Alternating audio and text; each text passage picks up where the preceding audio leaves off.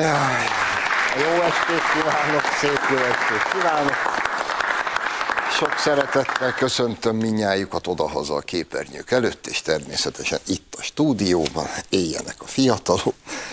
No, kezdjünk is hozzá.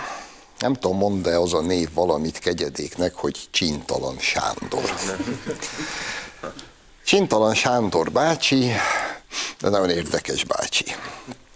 Ő valamikor még ős MSZP-s időben, mikor Horn Gyuláék megnyerték a választásokat, zárójelbe jegyzem meg, édes Istenem, hol van már Horn Gyula?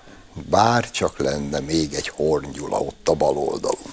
Zárójel bezárva. Szóval, amikor Hornék győztek, ez a Csintalan Sándor, mint MSZP-s, ugye a köztársaság téren bukfencet hányt örömében, de a szó legszorosabb értelmében. Aztán valami történt az életében, meg a fejében, mert egyszer csak hirtelen fideszes lett. Én voltam a legjobban meglepve még a hős korszakban, még a Szentendrei úton volt a Hír TV, mikor indultunk, és ott egyszer csak megjelent csintalan bácsi, és rettenetesen jó barátságba keveredett mindannyiunkkal. Azt se tudta, hogy hogy vegyen körül minket nyállal. Aztán megint történt valami az ő életében, mert eh, hát most pontosan nem tudnám megmondani, hogy micsoda.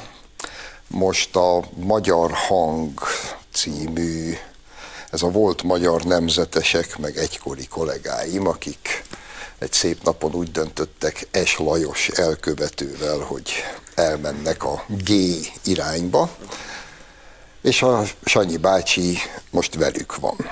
És Sanyi bácsi most eljutott oda, nem fogom mondani, mindjárt megnézzük, hogy hova. Megnézzünk egy nem több, mint egy 30 másodpercnyi bejátszót.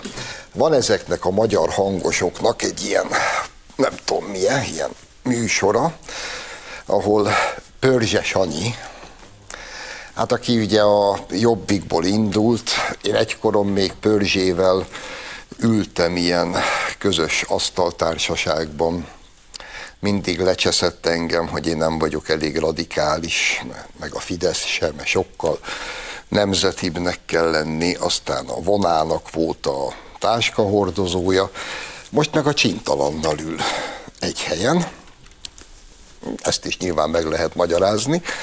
Na szóval ebben a kis beszélgetős műsorukban, a legutolsó adásban, hát csintalan a következőket fogalmazta meg. Nézzük csak. Azon kívül mondjuk az inflációval kapcsolatban szokott megérdéseket fűzni, de egy ki a szava nincsen arról, hogy mi van ebben az országban, és megteheti, mert egyelőre ez a sok hülye azzal van elfoglalva, legalább három millió, hogy akkor most az ő egyébként nem létező identitását, meg hát a fallikus problémáit az Orbán f***ása az oldja meg. Na fiúk, lányok, itt most ebből a három millióból van egy kis merítés, mert élek a gyanúperrel, hogy ti, mint Fidesz szavazók, ugye róluk beszél Sándor, ti is azok vagytok, szerintem itt az MSP nem küldött most ide megfigyelőket. Tehát csintalan szerint ti, akik itt ültök, akkor mondom, jó, lefordítom. Nektek egyfelől nincsen semmilyen identitásotok. Továbbá hülyék vagytok, és tele vagytok fallikus problémával. Jelentsen ez bármit, ezt az utóbbit nem értem. Hál' Istennek csomó fiatal van most itt. Nem tűntök úgy, mint aki fallikus problémái legyenek. De most azt az egészet félretesszük csak egy pillanatra, sok-sok évvel ezelőtt az én egykor volt drága kedves barátom, sőt mentorom, néhai Lovas Pista, valóban szerencsétlen elszólással egyszer azt mondta a túloldal szavazóira, hogy panelprolik. Ezt eh, hosszú éveken át, sőt a mai napig olvassák a fejünkre, mióta Lovas Pista meghalt valami érdekes bakugrással, most már azt úgy emlékeznek, hogy ezt én mondtam, úgyhogy most én kapom az ívet emiatt. Szóval a panel proli az, de hogy három millió hülye, fallikus zavarokkal küzdködő, identitás nélküli ökör van a nemzeti oldalon, és ezt a csintalan megfogalmazza, ez valamiért nem zavarja őket. Csak úgy szeretném rögzíteni, hogyha esetleg összefuttok Sanyival. Akkor egyrészt adjátok át neki forró csókjaimat, másrészt kérdezzétek meg tőle, hogy nincsenek-e fallikus problémái. Mert szerintem neki elég súlyosak lehetnek. Aki ekkora barom állat, annak biztos, hogy vannak fallikus problémái. Sanyi, hogy csókoltassalak. És akkor csak egy pillanatra muszáj beszélnünk a háborús helyzetről, majd a második részben Kocsis Máté lesz a vendégem, és úgyis ez lesz a fő témánk. De hogy ez a háború hogyan eszkalálódik, erre most az elmúlt napokban két nyilatkozat is nagyon komolyan rávilágít. Ugyanis hirtelen a budapesti amerikai nagykövetség, akiket amúgy is nagyon kedvelünk, és Pressman nagykövet úr nagy kedvencünk, nekem személy szerint is, és azt hiszem, hogy ő is nagyon szerethet engem. Már, már várom a függetlenségi napi ünnepségre a külön meghívót, amit nyilván nekem fognak kézbesíteni, hogy együtt tejázzunk. Szóval az amerikai nagykövetség szükségét érezte február 28-án, hogy kiadjon egy nyilatkozatot a következő szöveggel. Kilenc évvel ezelőtt Oroszország megszállta Ukrajnát és elfoglalta a Krím félszigetet, ami egyértelműen sértette a nemzetközi jogot, valamint Ukrajna szuverenitását és területi integritását. Az Egyesült Államok nem ismeri el, és soha nem is fogja elismerni a félsziget Oroszország általi állítólagos annektálását. A Krím, Ukrajna. Ebbe, ezekben a mondatokban amúgy, szögezzük le, sok igazság van. Különös tekintettel mondjuk arra, hogy Oroszország a nemzetközi jogot megsértve megtámadta Ukrajnát. Ebben szerintem nincs vita. De azért hagyd tegyek föl most újfent egy kérdést, mostanában már máshol is föltettem ezt a kérdést. Emlékszünk még mondjuk arra, amikor az amerikai Egyesült Államok, illetve annak titkos szolgálata, a CIA, hát kreált egy kázus bellit.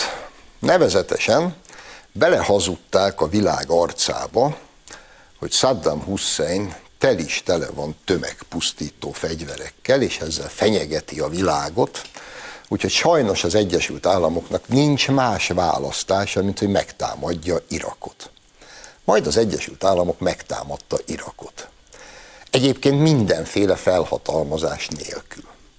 Aztán néhány év múlva már az is kiderült, miután az Egyesült Államok visszabombázta a középkorba Irakot, és százezrek haltak meg, amerikai fegyverek által, Utána ilyen félig mosolyogva bevallották, hogy ja, egyébként ők pontosan tudták, hogy Saddam Husseinnek egyetlen tömegpusztító fegyvere van, az egyhetes zoknia. Hogy kérdezzem meg a kötelező tisztelettel, az véletlenül nem volt a nemzetközi jog megsértése? Hm? Vagy amikor az Egyesült Államok megtámadta Vietnámot, az nem volt a nemzetközi jog megsértése? Amikor az Egyesült Államok bevonult Afganisztánba, az nem volt a nemzetközi jog megsértése? Amikor bevonult Szíriába, az nem volt az nemzetközi jog? Ki hatalmazta mindezekre fel őket? Mikor porrá bombázták Jugoszláviát, illetve Szerbiát 99-ben és 2000-ben, mindenféle felhatalmazás nélkül. Az nem volt a nemzetközi jog megsértése? De igen, az volt. Csak valamiért az Egyesült Államok, és akkor üzenem régi barátomnak, Pressman bácsinak is, az Egyesült Államok valamiért azt gondolja, hogy amit szabad Jupiternek, azt nem szabad a kisökörnek. Én pedig akkor hagyj idézzek ide egy klasszikust, egy lószart mama. Ti megsérthetitek a nemzetközi jogot, szerintetek, senki más meg nem. Ez nem így van. Úgyhogy hátrább az agarakkal, és tessék sokkal nagyobbakat kussolni, és se, tessék némiképpen szerényebbnek lenni. Ezt tudnám javasolni per pillanat. Arról nem is beszélve, csak még egy mondat, amikor fiatal barátaim, ti még azokban az időkben eh, ami kélyes gondolatok se voltatok, sőt, még szerintem szüleitek sem, 62-63, akkor majdnem, én akkor születtem, akkor majdnem kitört a harmadik világháború. Csak úgy, mint most. Csak akkor viszont az Egyesült Államoknak volt kivételesen igaza. Ugyanis akkor a Szovjetunió azt a csodálatos dolgot álmodta meg, hogy telerakja Kubát szovjet atomfegyverekkel. És akkor John Fitzgerald Kennedy, amerikai elnök azt mondta, hogy meg lehet ezt próbálni, csak szerényen jelzem, hogy ki fog törni a harmadik világháború, mert mi ezt nem fogjuk hagyni. Hogy az alhasunkba szovjet atomfegyverek legyenek. Igaza volt akkor az Egyesült Államoknak? Igen. Akkor hagyd kérdezzem meg, ugyanez az Egyesült Államok, most 60 év elteltével, miért gondolja azt, hogy Oroszország, ráadásul egy Putyin vezette Oroszország, eltűri, hogy az ő alhasába amerikai fegyvereket, uram, bocsá, atomfegyvereket telepítsenek, vagyis Ukrajnába. Miért hitték ezt?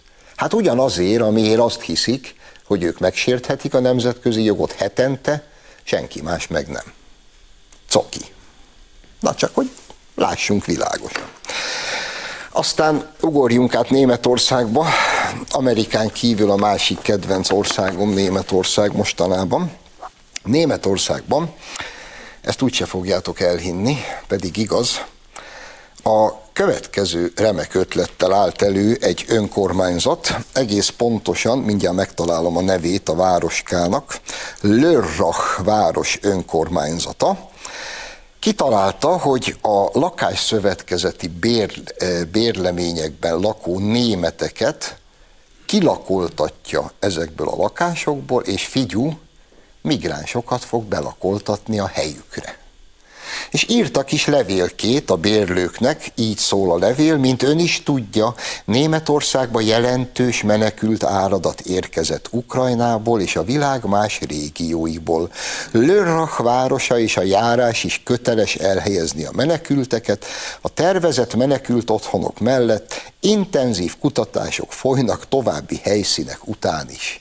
És az intenzív kutatások vége az lett, az eredmény, hogy németeket kiköltöztetünk, és migriket meg be. Te, e, tiszta kommunizmus van. Szóval nem tudott nem eszembe jutni, mikor ezt a hírecskét olvastam.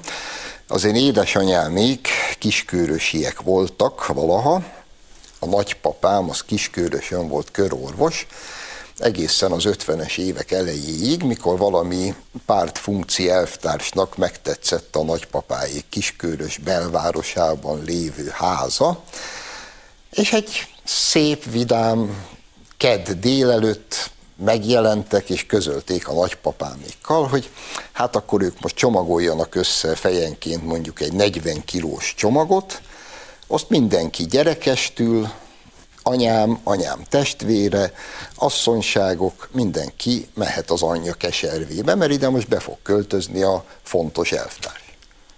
Most mi a különbség a között, meg e között? Hát annyi, hogy akkor a fontos elvtárs költözött be, most meg a migráns költözik be. De a végeredmény az ugyanaz. Kirúgnak embereket a lakásaikból. És olyan 78 éves Klaus Kichlig, Három éve volt agyvérzése, valami ezer eurós nyugdíjból tengődik, ő lakik egy ilyen lakásba, közölték vele, hogy mehet a csába. Azt mondta szegény öreg, hogy ez a levél számomra halálos ítélet. Na de kit érdekel, mikor jön Ali?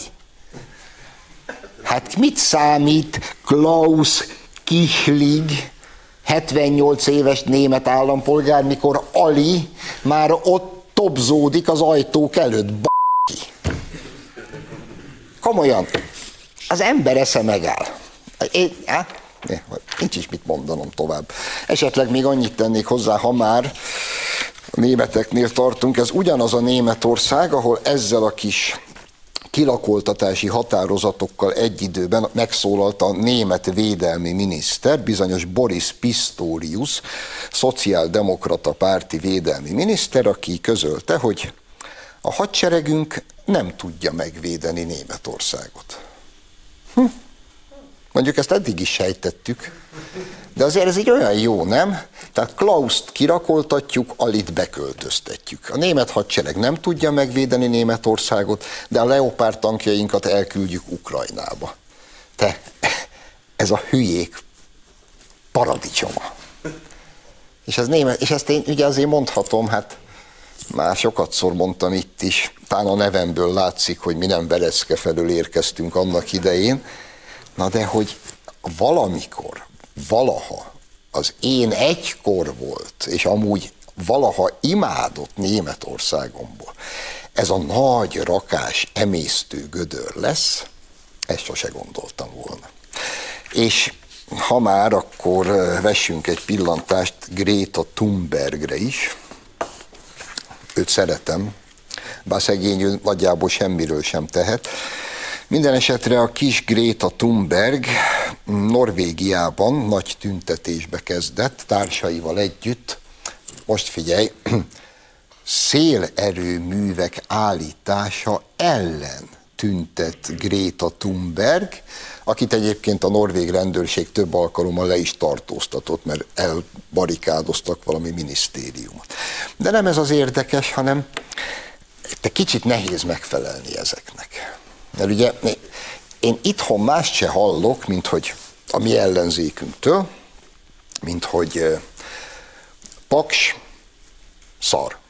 Nem, paksot, nem, hogy paks kettőt nem szabad felépíteni, az egyest is be kell zárni. Gáz, borzasztó. Orosz gáz, ami olcsó, az a legborzasztóbb. Szénerőmű? Jézus Mária, nehogy már még új bányákat nyissunk, hát hova gondolsz? Fatüzelés? Atya úristen, nem lesznek erdők. Ugyanakkor persze, ezzel párhuzamosan, mindenhol legyen jó, fincsi, meleg, olcsón. És akkor megkérdezed, hogy na de hogy? Akkor jön a válasz, szélerőmű, naperőmű, geotermikus energia. És miközben ezt hallgatom itthon, olvasom, hogy Greta Thunberg mára szélerőművek ellen tiltakozik, mert a norvégok ezeket a szélerőműveket szamojét pásztorok legelőire akarják telepíteni. Nagy valószínűséggel azért, mert ott fúj a szél. Tehát lehetne Oszló belvárosába is szélerőművet telepíteni, vagy le a metróba, de a húzat az nem fogja megpörgetni. Oda teszik a legelőre, ahol fúj a szél. Akkor jön a Gréta, hogy a szar, és tintet ellene el tudom képzelni, hogy most elmenne az eszünk teljesen. És sorra azt csinálnánk, amit ezek a kretének követelnek. Se atom, se gáz, se szén, se fa, se semmi, és elkezdenénk szélkerekeket telepíteni nyakra, főre, fix, hogy ott tüntetnének.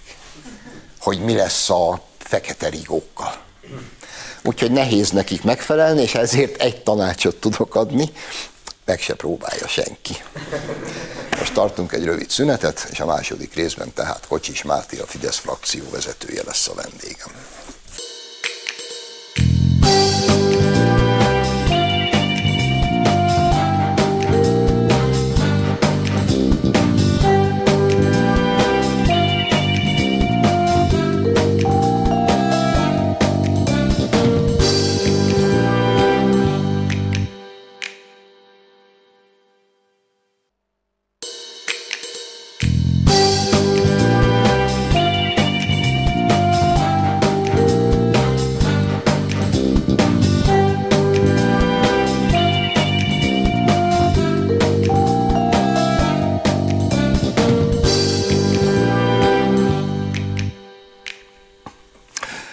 Folytatjuk a műsort, vendégem tehát a stúdióban Kocsis Máté, a Fidesz frakció vezetője. Szerbusz, köszönöm.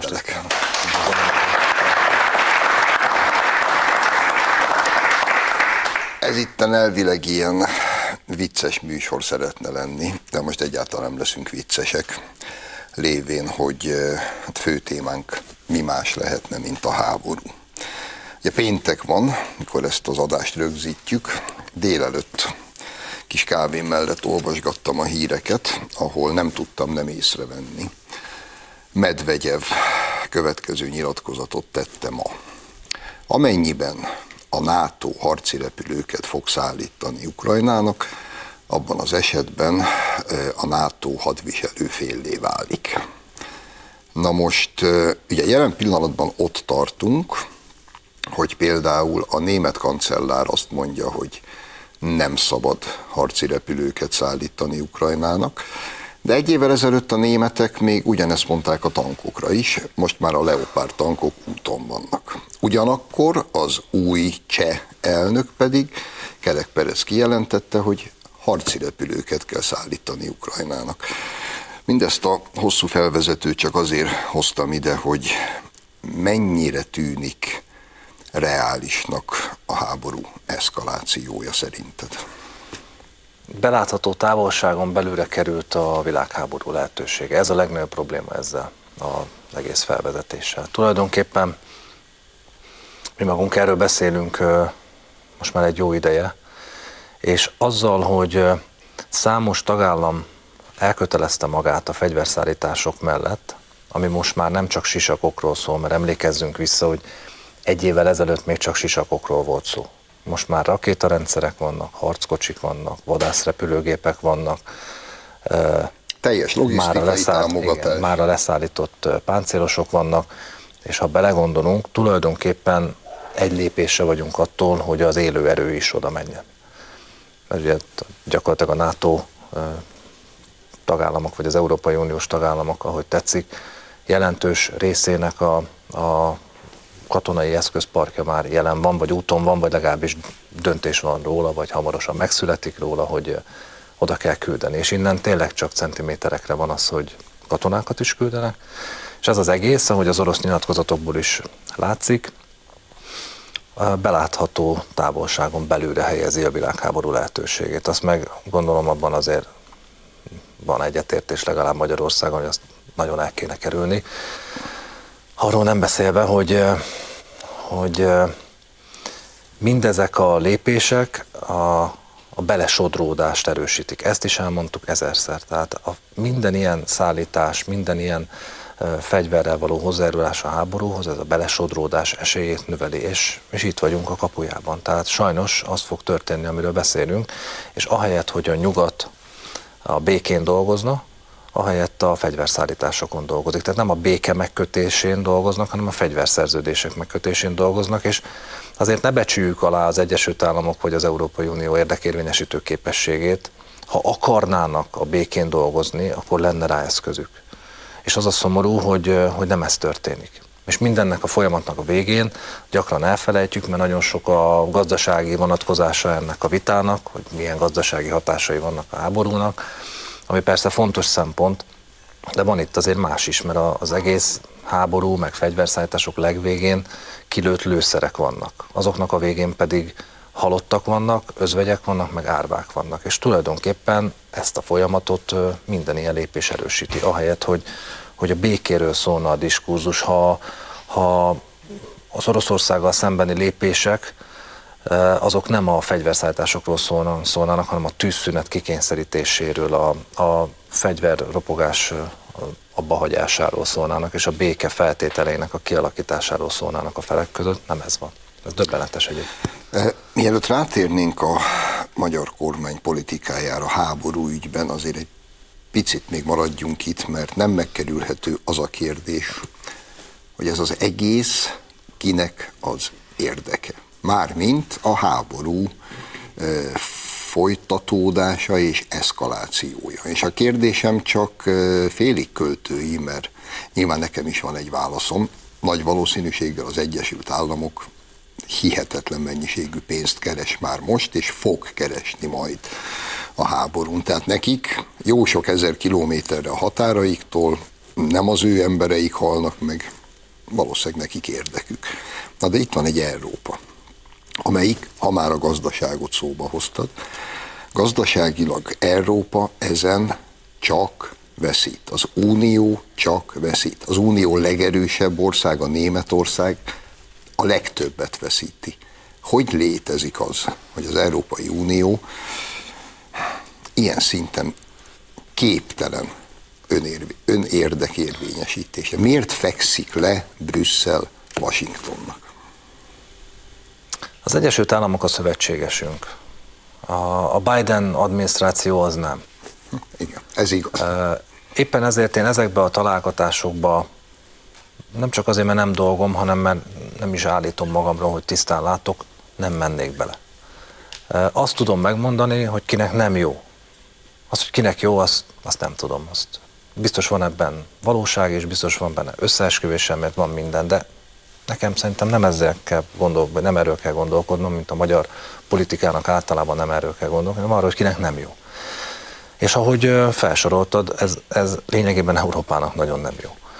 És persze lehet azon vitatkozni, hogy ó, hát vannak országok, ahol, ahol valamivel alacsonyabb az infláció, mint a másik országban, vagy mint nálunk van, ahol csak 14, van, ahol 19, van, ahol 9, van, ahol csak 16.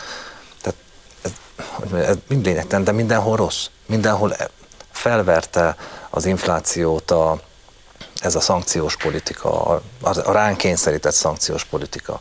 Mindenhol brutális gazdasági károkat okozott.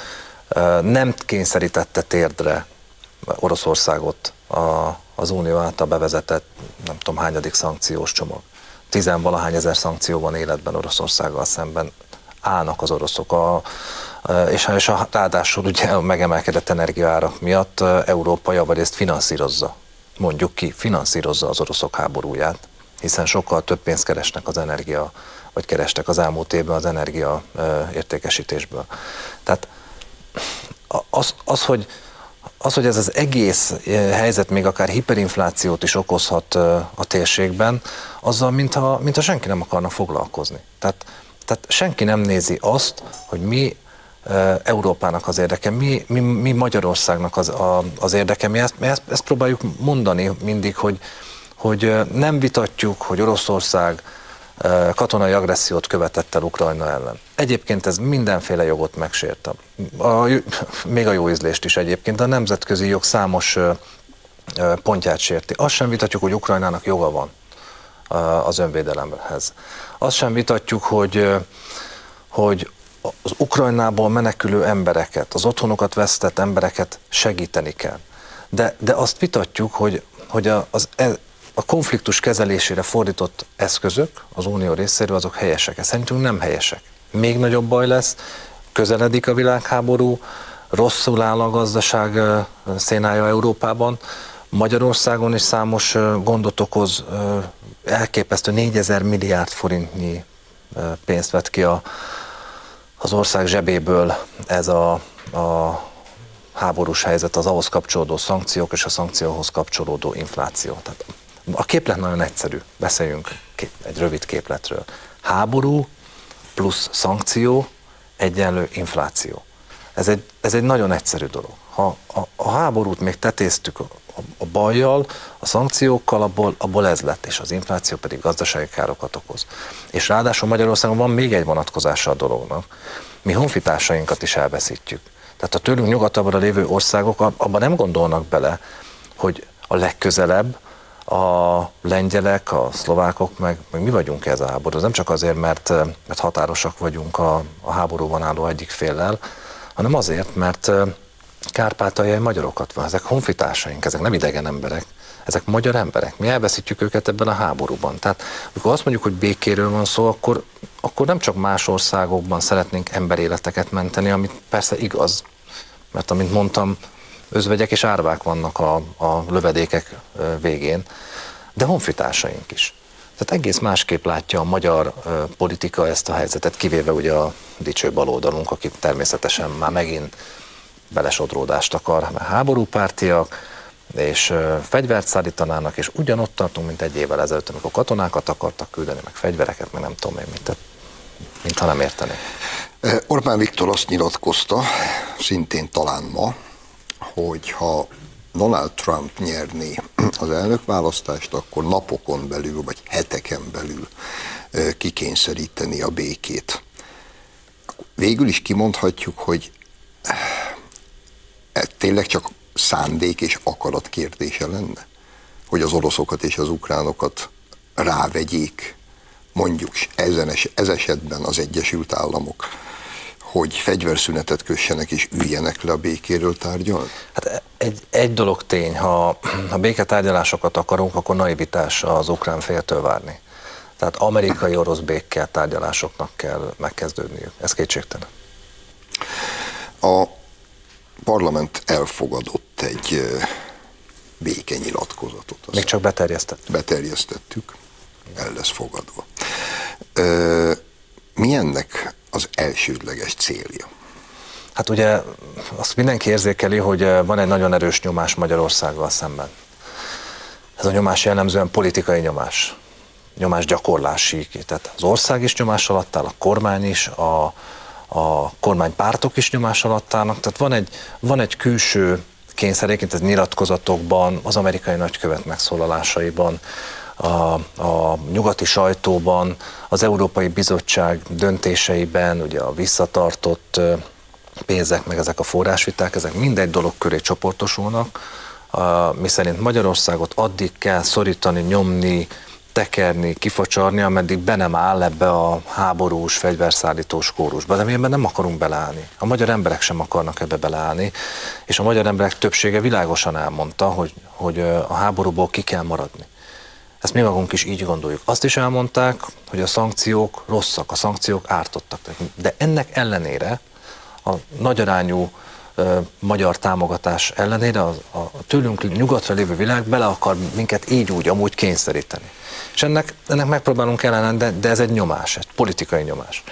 És a politikai nyomással szemben politikai válaszokat kell adni. A magyar kormány álláspontja világos, azt a miniszterelnök többször elmondta. Na de a magyar parlamentnek el kell fogadnia, mégiscsak a legfőbb népképviseleti szerv, el kell fogadnia egy olyan határozatot, amelyben világos sarokpontokat rögzít, amely aztán irányadó és a politikai vitákban is használható, amikor megpróbálnak bennünket belesodolni, vagy belekényszeríteni a háborúba, akár csak fegyverszállításokkal, bármivel.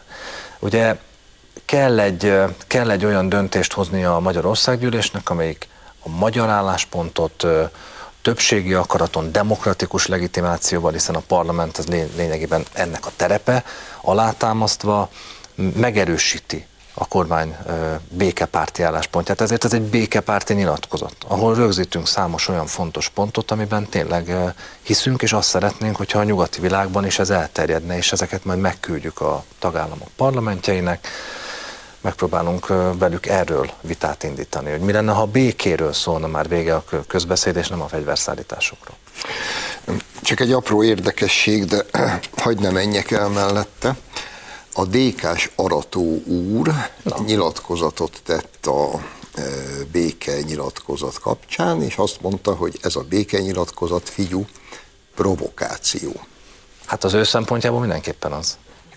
Amennyiben. A helyzet a, amennyire komoly, annyira szomorú is, és egy nagyon kis részben megmosolyogtató. Ugye mindig azt gondolná az ember, hogy lesz valami, valami konszenzus a magyar közéletben, legalább háború vagy világháború kérdésén, vagy ezt utasítsuk el, ne sodródjunk bele, ne menjünk a közelébe, békén dolgozzunk, a béke legyen a kulcs szó, ne a fegyver. E, és aztán, aztán rájön az ember, hogy ezek még mindig ugyanazok. A mi baloldalunk az még mindig ugyanaz. Ugye emlékezzünk vissza.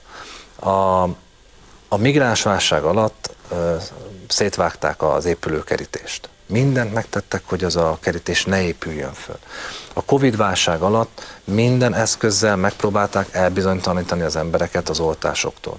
Elmagyarázták, hogy az az miért nem jó. Aztán kitört a háború, fegyvereket akartak szállítani, és katonákat akartak küldeni. Aztán jöttek a szankciók.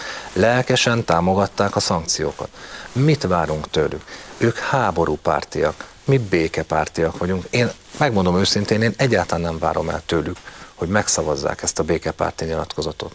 Ez, ez tűz és víz. Egy háború párti baloldal nem fog egy békepárti nyilatkozatot megszavazni, úgyhogy valószínűleg a kormánypártok magukra maradnak ebben a kérdésben. Alátámasztja ezt Arató úr nyilatkozata is. Ebből, ebből a szemszögből érthető, hogy ő provokációról beszél. Hát ők, ők, a, ők háborúpártiak. Számukra egy békepárti nyilatkozat nem lehet más, mint provokáció. Tehát ő igazat mond, jól mondja. Abból a székből, ahol ő ül, ott, ott ez az, ott ez provokáció. Szörnyű lehet így élni.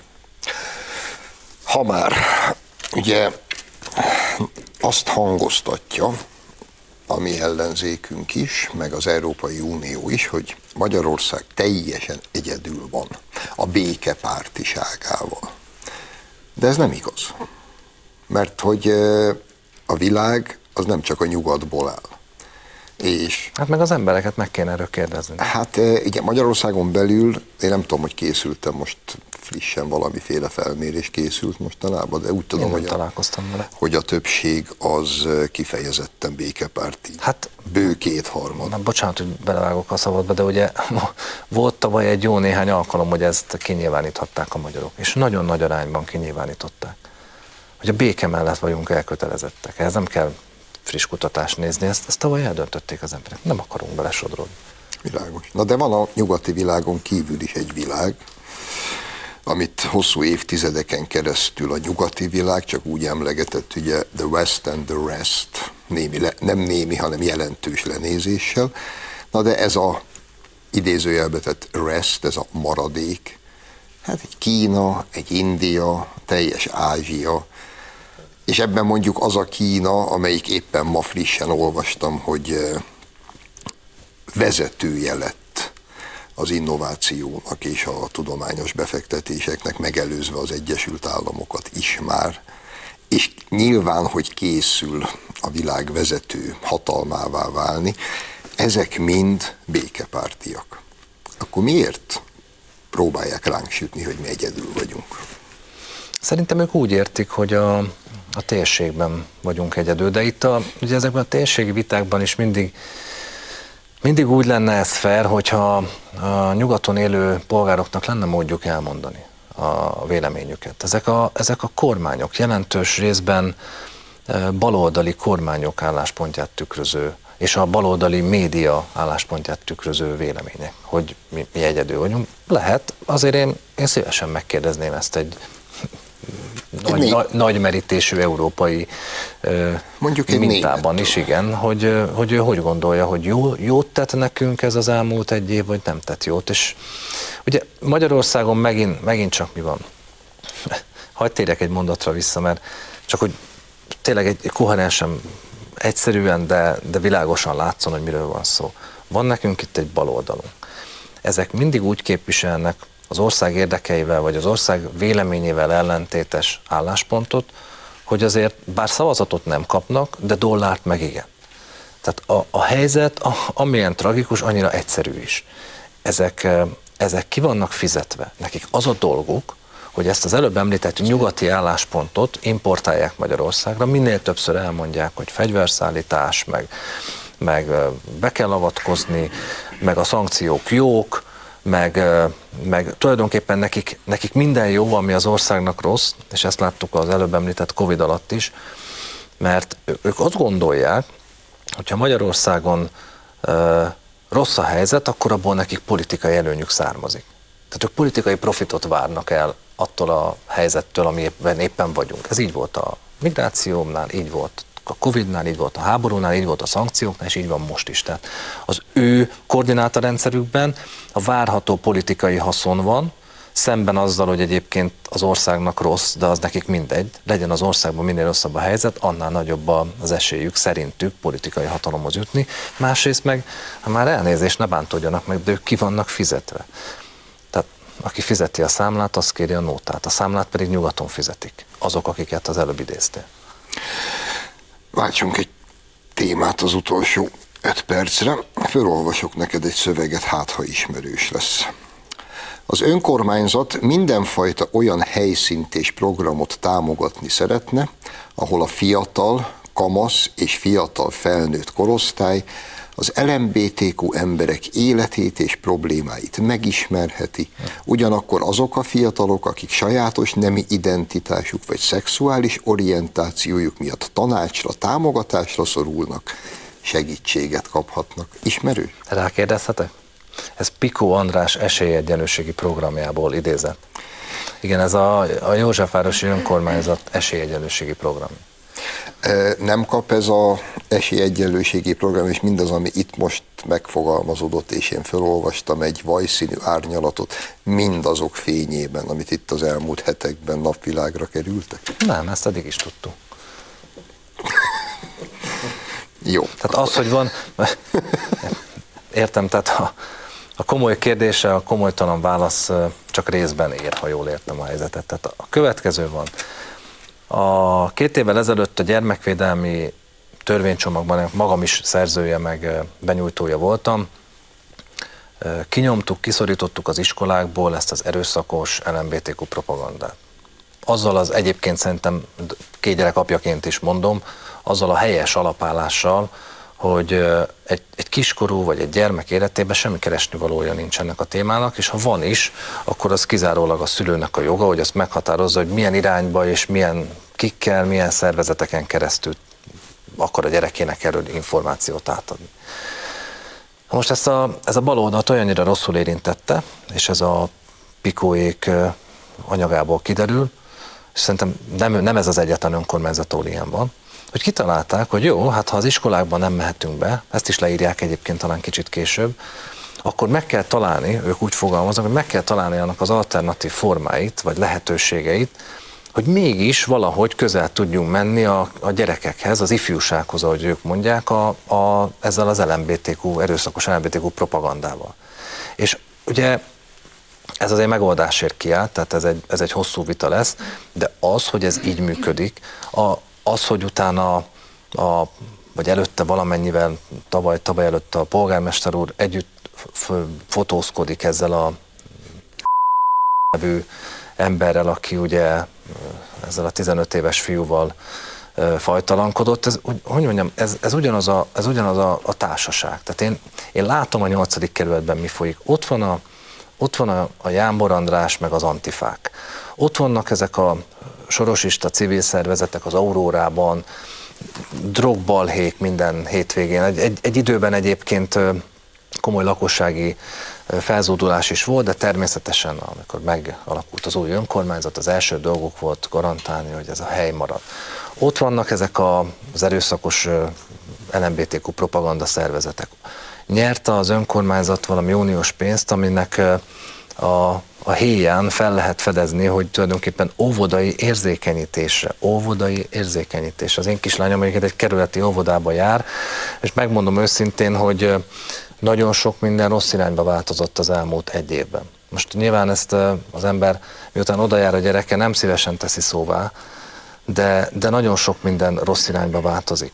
És az, az is látszik, hogy minden eszközt meg fognak találni arra, hogy ha már az oktatói tevékenységben nem lehet, ahogy ők mondják, akkor alternatív módokon, civil alapon, de önkormányzati pénzből, közpénzből ezt finanszírozzák. Mindezt teszik úgy, hogy még a Budapest 8. kerületében is a tavalyi gyermekvédelmi népszavazáson messze, messze elsőprő többségben voltak a nemek. Tehát sok olyan ember is a mi álláspontunk mellett szavazott, aki egyébként nem kormánypárti szavazott, de ez minden érdekli őket. Most ami általánosságban probléma, hogy ez a, ez a ügy, ez most félretéve az egész pikóféle együttműködési pontokat, rávilágított arra, hogy a baloldal minden olyan pontot meg fog találni, ami kiátsza ezt a törvényt. Tehát erősen el kell azon gondolkodni, hogy a célú kitűzött, a gyermekek széleskörű védelmét kitűzött politikánkat mivel erősítjük még meg?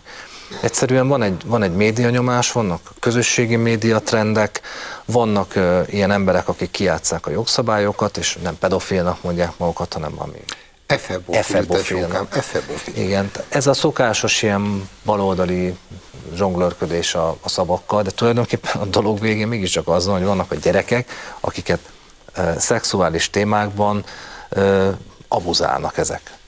Vagy szóban, vagy tetlegesen. És mi azt akarjuk, hogy ez egyáltalán ne legyen. Egyáltalán ne legyen, és akinek van gyereke, az érti, hogy miről beszélek. Az ember bele sem mer gondolni, hogy a saját gyereke közelében egy ilyen ember megfordulhat. És az államnak kutya kötelessége a szülők számára minden védelmet megadni ebben a témában. Mindent. És ezt el is fogjuk kérni, ez a cél. Igen. És akkor végszóként csak annyit hagyj jegyezzek meg, hogy ma egy olyan világot élünk itt nyugaton, ahol annak kell magát szégyelnie, aki békét szeretne, és annak, aki nem akarja, hogy a kiskorú gyerekét LMBTQ aktivisták abuzálják. Ez a szégyelni való, szerintük. De nem kell szégyelni. Sőt, arra biztatnék mindenkit, hogy itt az idő, el kell hangosan köteleznünk magunkat a gyermekvédelmet, nem kell félni, nem kell félni a liberális médiától. Tudom, tudom mire utaltál. A liberális média hogy tetszik, dollármédia, mert azért ők is részesültek, ha jól olvastam. Ebből abból. Ebből abból van ott is befolyás, meg külföldi befolyásszerzési kísérlet, nem csak a politikában van, hanem a médiában is. De én tudom, hogy sokan attól félnek, hogy hát ha ezt szóvá teszik, akkor majd lejáratja őket a média, de én azt gondolom, hogy ezen, ezen túl vagyunk, meg ebben a defenzív magatartásban nehéz lesz győzelmet aradni, és a, a tét az a saját gyermekeink jövője és biztonsága, és itt szerintem semmi, semmi nem drága, nekem legalábbis sem. Kocsis Máté, köszönöm, hogy itt voltál. Önöknek köszönjük a megtisztelő figyelmet, jövő héten a szokott időben várom Önöket, addig is minden jót kívánok. Viszontlátásra!